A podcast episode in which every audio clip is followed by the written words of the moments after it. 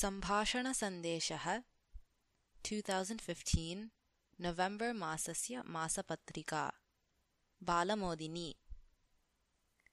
अन्तरङ्गसंस्कारः।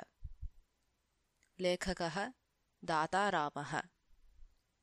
कदाचित् कश्चन धान्यवणिक् चर्मवणिक् च वस्तूनां क्रयणाय नगरं गच्छन्तौ आस्ताम्।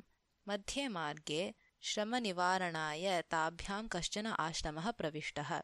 तत्रत्यः सन्न्यासी तौ स्वागतीकृत्य भोजनादिकं दत्तवान्। धान्यवणिजे कुटीरस्य अन्तः चर्मवणिजे बहिः च भोजनं दत्तं तेन। भोजनादिकं समाप्य तौ वणिजौ प्रयाणम् अनुवर्तितवन्तौ। वाणिज्यं समाप्य प्रत्यागमनावसरे अपि ताभ्यां सह एव आश्रमः गतः। एतदवसरे सन्न्यासी चर्मवणिजम् अन्तः धान्यवणिजं बहिः च उपवेश्य भोजनं परिवेशितवान्। भोजनस्य अनन्तरं धान्यवणिक् अपृच्छत् पूर्वतनमेलनावसरे भोजनाय अहम् अन्तः उपवेशितः आसम्। इदानीं तत्र भवतः व्यवहारः अन्यविधिः दृश्यते। एवं किमर्थम् इति? तदा सन्न्यासी अवदत् मया भवतोः बाह्यस्वरूपं न दृष्टम् एव। अपि तु अन्तरङ्गस्वरूपं दृष्टम्। अन्तरङ्गस्वरूपभेदः एव सत्कारभेदस्य कारणम् इति। आवयोः अन्तरङ्गे कः भेदः लक्षितः तत्र भवता इति सकुतूहलेन अपृच्छत् चर्मवणिक्। तदा सन्न्यासी पुनः अवदत् इतः क्रयणार्थं गमनावसरे भवतः मनसि भावः आसीत् यत् नगरे क्षामः दृश्यताम्।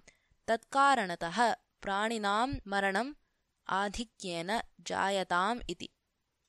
किन्तु तदवसरे धान्यवनिजः मनसि चिन्तनम् आसीत् यत् यत्र अहं गमिष्यामि तत्र धान्यसमृद्धिः भवतु येन धान्यस्य मूल्यम् अल्पं स्यात् इति।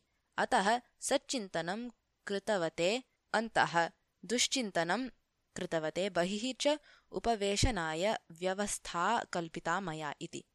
इदानीं किमर्थं तद्विपरीतः व्यवहारः कृतः? पृष्टवान् धान्यवणिक्। धान्यं क्रीत्वा प्रत्यागमनावसरे भवतः मनसि भावः आसीत्। यत्र अहं गच्छेयं तत्र क्षामः भवतु।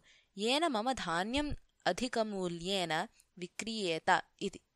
चर्मवणिजः मनसि भावः आसीत् यत्र अहं गच्छेयं तत्र जनाः धनसम्पन्नाः भवन्तु। येन ते मया निर्मितानि चर्मवस्तूनि आधिक्येन क्रीणीयुः इति। एवं जनानाम् अभ्युदयं चिन्तितवते अन्तः जनानां हानिं चिन्तितवते बहिः च उपवेशनाय व्यवस्था उपकल्पिता मया। यादृशः अन्तरङ्गसंस्कारः तादृशं गौरवम् जीवने अन्तरङ्गसंस्कारः एव मुख्य भवति न तु बाह्यं स्वरूपम् इति विवृतवान् सन्न्यासी। कथा समाप्ता।